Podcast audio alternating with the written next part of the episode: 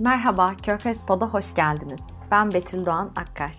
Bu hafta Birleşik Arap Emirlikleri'nin Yemen iç savaşında uyguladığı politikaları konuşacağız. Bu haftaki yayına geçmeden önce geçen hafta Katar'ın siyasal kültürünü tanıtırken sık sık monarşi yerine oligarşi kelimesini kullanmışım. Aslında e, notlarımda, çalışmamda tamamen olmayan bir konsept ama nedense o esnada dilim sürçmüş. E, bu noktada affınıza sığınıyorum. Şimdi bu haftaki yayınımıza başlayabiliriz. Birleşik Arap Emirlikleri'nin Yemen politikasını konuşurken aslında elbette Yemen'in iç dinamiklerini, tarih boyunca yaşadığı sıkıntıları bilmek, neden böyle bir sürece evrildi Yemen bunları konuşmak çok önemli. Fakat bu bizim şu an yapacağımız analizin bir parçası değil. Bu çok uzun ve detaylı bir konuşma gerektiriyor. Bu podcast'i dinleyen insanların biraz bu meselelere vakıf olduğunu varsayarak başlıyorum. Ama vakıf değilseniz de Birleşik Arap Emirlikleri'nin Yemen'de uyguladığı politikaları bilmek sizi bir noktada bu sürece tanıdık hale getirecektir. Yemen'de 2011 yılında Arap Baharı'nın başlamasıyla bir takım sıkıntılar çıktı. Bu sıkıntılar aslında geçmişte güneyde zaten ayrılıkçı politikalar izlemiş grupların tutumlarını tetikledi. Kuzeyde merkezi hükümette sıkıntıları olan Husi olarak tanımlanan bir ailenin sıkıntılarını tetikledi. Husiler bir mezhep grubu olarak biliniyor ağırlıklı olarak Türk medyasında. Ama aslında onlar Sünni Müslümanlar. Fakat içinde bulundukları yani mezhep çalışmalarına göre aslında Şii olmadıkları halde yakınlık duydukları gruplardan birisi Şiiler. O nedenle İran'la olan bağlantıları üzerinden sürekli mezhebi bir mesele olarak yorumlanıyorlar Yemen Savaşı'nda. Bu çok uzun bir konu ve bu daha detaylı bir şekilde konuşmak gerek. O yüzden kısaca sadece şunu söyleyebiliriz. Bu grup Husiler bir Şii grup değil fakat evet İran'la bir takım dayanışmaları var. Çünkü Yemen'de dışlanış biçimleri onları dış güçlere daha yakın olmaya itti. Fakat yine Türk medyasında kaçırılan bir şey e, gözüme çarpıyor. Yemen aslında bu mezhep çatışmalarıyla anıl, anılıyor şu an ağırlıklı olarak. Fakat Yemen tarihine baktığınızda, Yemen'deki siyasi sıkıntılara baktığınızda orada aslında mesele mezhepten daha ileride bir noktada. Yemen'de yüzyıllardır devam eden bir aşiret geleneği var ve siyasi dengeler, farklı gruplar arasındaki çıkar çatışmaları bu müzakere süreçleriyle, aşiretlerin de dahil olduğu müzakere süreçleriyle ortadan kalkmış. Ama Suudi Arabistan'ın Yemen iç politikasına müdahil oluşuyla ve bir takım uluslararası grupların ve terör örgütlerin Yemen'e daha fazla dahil olmasıyla bu organik yapısı bozuluyor. Ve aslında 2011'den sonra patlak veren bu durum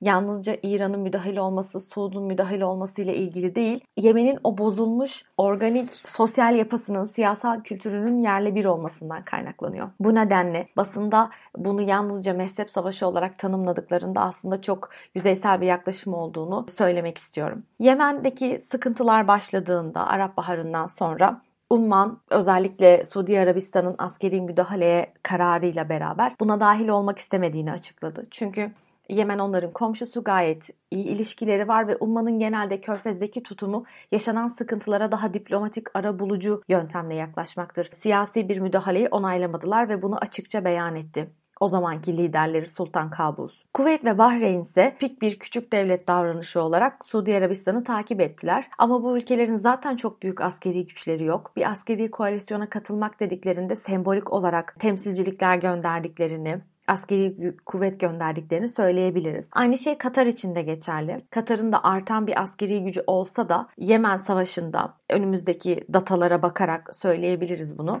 Çok kısıtlı sayıda bir askeri kuvveti vardı. Burada asıl askeri güçler Birleşik Arap Emirlikleri ve Suudi Arabistan'dı. Birleşik Arap Emirlikleri daha önce bölgede ve Avrupa'da bir takım barış operasyonlarına katıldı. Bosna'da, Afganistan'da, 2011'deki Libya müdahalesinde. Ama Yemen onun ilk gerçek savaşı. Yani ilk kez askeri yapısını, uygulamalarını Yemen'de kullandı. Suudi Arabistan zaten daha önce bu konuda tecrübeli. Yemen'e müdahale konusunda da tecrübeli. Coğrafyayı bildiğini düşünüyor Amerika da bu sürece dahil oldu ve birkaç Arap ülkesinin daha dahil olmasıyla Suudi Arabistan önderliğinde Yemen'e müdahale operasyonu başladı. Operasyon 2015 Mart'ta başladı. İsmi Kararlılık Fırtınası Operasyonu daha sonra Umuda Dönüş olarak de, e, yeni bir isim aldı. İkinci bir operasyona evrildi. Bu operasyonun başlarında Birleşik Arap Emirlikleri ve Suudi Arabistan aynı çizgidelerdi. Aslında o zaman da yorumcular aralarında bir takım ayrılıklar olduğunu söylüyorlardı ama o zaman delillendirilecek bir durum yoktu. Suudi Arabistan'ın amacı Yemen'i bir bütün olarak kurtarmak yani güneyin kuzeyden ayrılmaması, kuzeydeki grupların merkezi hükümetten ayrılmaması, Suudi Arabistan'la arası iyi olacak bir merkezi hükümet temsilcisinin olması, bu hükümet temsilcisinin Suudi Arabistan hoşlanmadığı gruplardan birine bağlı olmaması, Müslüman kardeşlerin Yemen'deki kolu ıslah onlardan biri olmaması,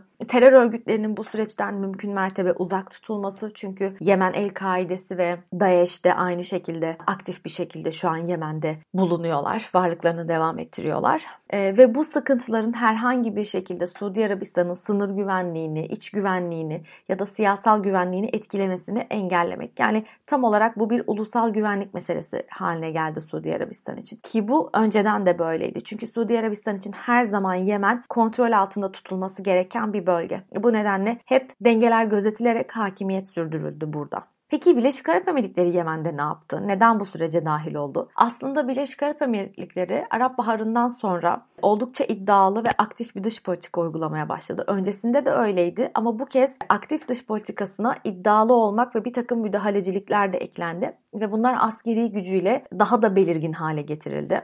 Birleşik Arap Emirlikleri için Yemen'de bulunmak, bölgesel bir meselede yürütücü yol almak oldukça önemli. Çünkü gerçekten çok küçük bir devlet. Fiziki olarak, e, siyasal olarak ve askeri olarak imkanları kısıtlı. Fakat görüyoruz ki 2011'den bu yana kendini taşıdığı nokta gerçekten Arap Baharı'nın başındakinden çok daha iddialı ve çok daha aktif bir konuma getirdi onu. O yüzden Yemen'de olmak Orta Doğu'daki bu dönüşüm sürecine dahil olması açısından önemliydi. İkinci mesele Birleşik Arap Emirlikleri zaten liman ticaretiyle ünlü bir ülke. Yani ulus devlet sürecinden önce de onların sürekli gelir kaynakları, uluslararası ticaret yani bir lojistik devleti gibi düşünebilirsiniz Birleşik Arap Emirlikleri'ni. Petrol kaynakları diğer körfez ülkelerine göre oldukça az. Bu nedenle güneydeki Aden Limanı'nın hakimiyeti onlar için çok önemli. Zaten Aden Limanı aynı zamanda Birleşik Arap Emirlikleri'nin son yıllarda yatırım yaptığı, satın aldığı ve askeri üsler kurduğu Afrika boynuzundaki diğer limanlarına ve askeri üslerine de geçişi kontrol altında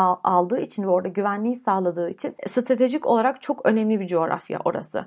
O yüzden Aden'i kimin yönettiği Birleşik Arap Emirlikleri liderleri için çok önemli. Diğer bir mesele Abu Dhabi'yi yöneten aile El Nahyan ailesinin e, Hadramut kökenli olduğu ve o bölgeyle bir bağ kurdukları söyleniyor. Ama bu bazı çalışmalarda yazsa da elimizde maalesef yani tam olarak bu tarz iddiaları kabul edecek akademik kaynaklar yok. Fakat bunu bir köşesinde tutabiliriz aklımızın. Yemen yani Birleşik Arap Emirlikleri'ni yöneten El Nahyan ailesinin bir takım yakınlıkları var Hadramut bölgesiyle. Hadramut da Yemen'in güneyindeki oldukça güzel, özel bir coğrafya. Bu süreç böyle evrilirken 2017 yılında Körfez krizi olduktan sonra Katar askeri müdahaleden izole edildi. Bütün sınır koruma kuvvetlerini alması talep edildi. Katar'ın gitmesiyle aslında Yemen'deki başarısızlıkta bir günah keçisi olması eş zamanlı oldu. Çünkü 2015'te başlayan askeri müdahale 2017'de hala başarıya ulaşamamıştı ve insanlar artık Yemen'de yaşanan bu sıkıntıların son bulmasını istiyorlar. Hem uluslararası medya organizasyonlar hem de Arap halkları.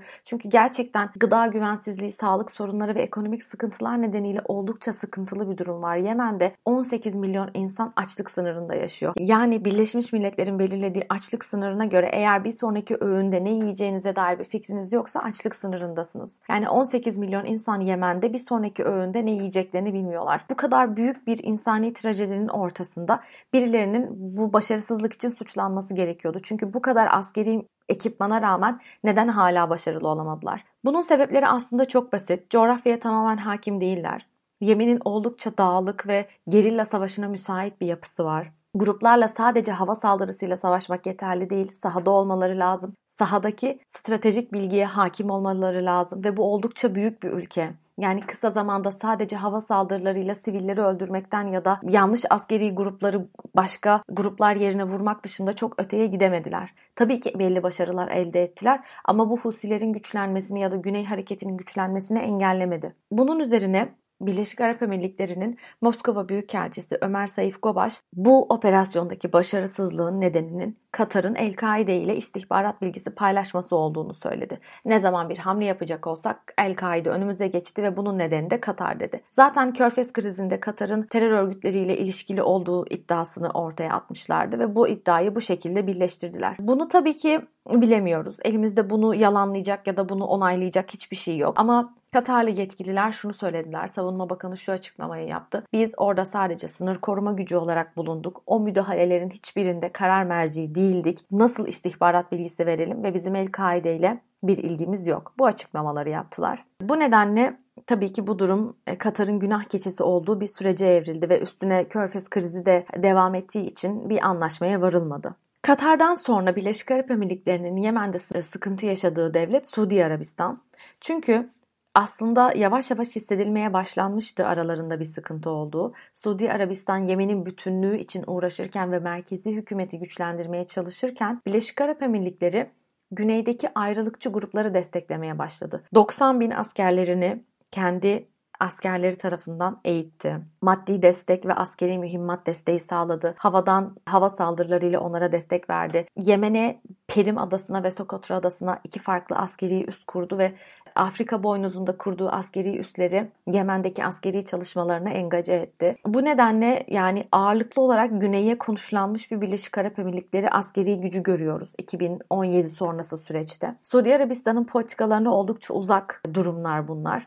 Özellikle güneye oynaması Yemen'in. Fakat bunu başta kabul etmediler. Hatta Yemen'deki grupları ortak bir diyalog çağrısına dahil ettiler Suudi Arabistan ve Birleşik Arap Emirlikleri. Fakat sonra Ağustos 2019'da Güney Geçiş Konseyi'ne bağlı güvenlik kemeri milisleri merkezi hükümeti, hükümetle Aden'i almak için çatışırken Birleşik Arap Emirlikleri hava saldırılarıyla merkezi hükümetin kuvvetlerini vurdu. Ve bu Aden'in tamamen Güneyli milislere verilmesini sağladı. Yani Güneyli milisler bu sayede Aden'i aldılar. Ve Aden'i onlar yönettiklerinde Birleşik Arap Emirlikleri'nin de oradaki yatırımlarını idare etmesi, limanı yönetmesi çok daha kolay. Çünkü merkezi hükümet bir önceki hükümetin verdiği bir takım dış yatırım kararlarının onaylamayacağını ya da revize edeceğini söyledi. Bu da şu anlama geliyor. Birleşik Arap Emirlikleri Aden Limanı için 30 yıllık bir anlaşma yapmıştı. Yeni gelen hükümet eğer çatışma yaşanırsa bunu kabul etmezse Birleşik Arap Emirlikleri Aden'i kaybedecek ve böylece Afrika boynuzuyla olan ilişkisini de kaybedecek. Bunu istemediği için tabii ki kendisine bunu bu iltimasyonu sağlayacak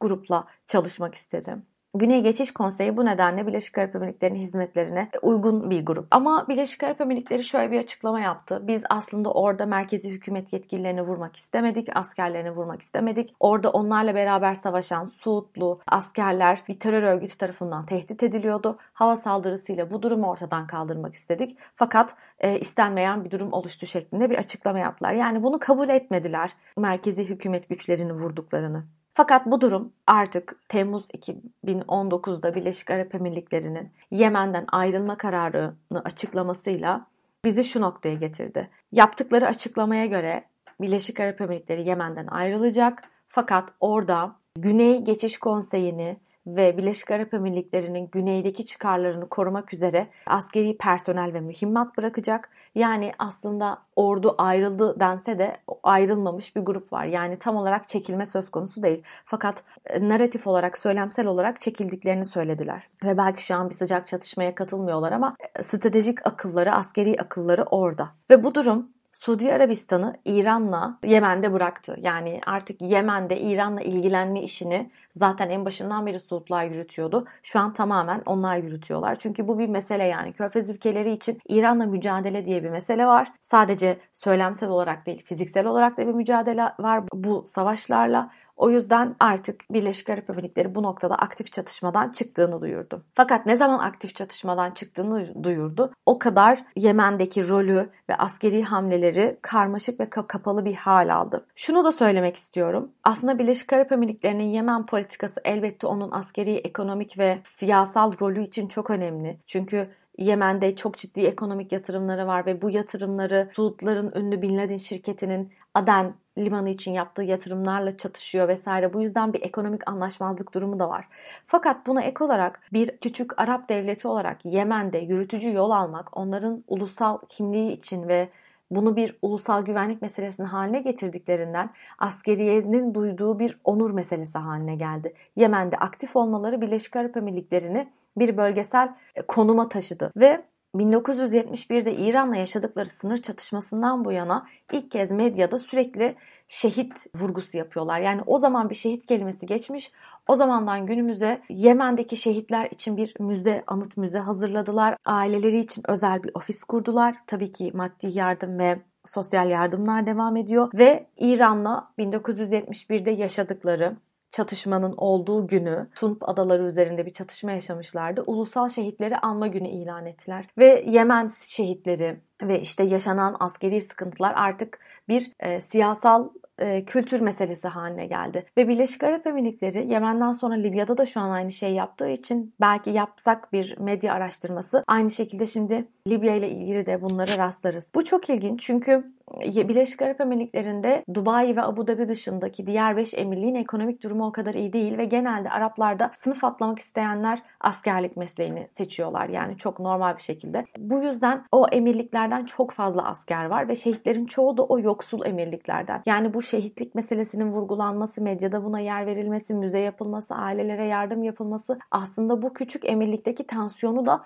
yok etmenin bir çabası. Ama bu iş nereye gider? Artık tamamen Yemen'den ne zaman çekilir? Bunu bilmiyoruz. Bence bu uzayacak bir süreç. Çünkü İsrail'le yaptıkları anlaşmada da Afrika'da olan ilişkilerini güçlendirmeyi birbirlerine söz verdiler. İsrail de Afrika'da çok aktif ve bu arada Birleşik Arap Emirlikleri'nin Afrika'da desteklediği gruplar yalnızca ulus devletler değil, ulus devletlerin içinde bağımsız bölgeler ve ulus devletler onların hakimiyetini tanımıyor. Mesela Somali ile askeri anlaşmaları yok da Somali'ye bağlı pek çok devletin tanımadığı Puntland ve Somaliland isimli bölgeyi Birleşik Arap Emirlikleri kendine askeri üs ve liman olarak tercih etti. Yani orada da çok sıkıntılı durumlar var. Belki bunu da e, önümüzdeki yayınlardan birinde konuşuruz. Bu haftalık söyleyeceklerim bu kadar. Umarım ilginizi çekmiştir. Bu tam bu meseleyle ilgili bir çalışmam yayınlandı. Ee, okumak isterseniz o da sosyal medyada mevcut hesabımda. Ama bu çalışmanın bir kısa özeti gibi, o çok teorik bir çalışma. Ben burada sadece alandan kısa bir özetini paylaştım sizinle. Dinlediğiniz için çok teşekkür ederim. Hoşçakalın.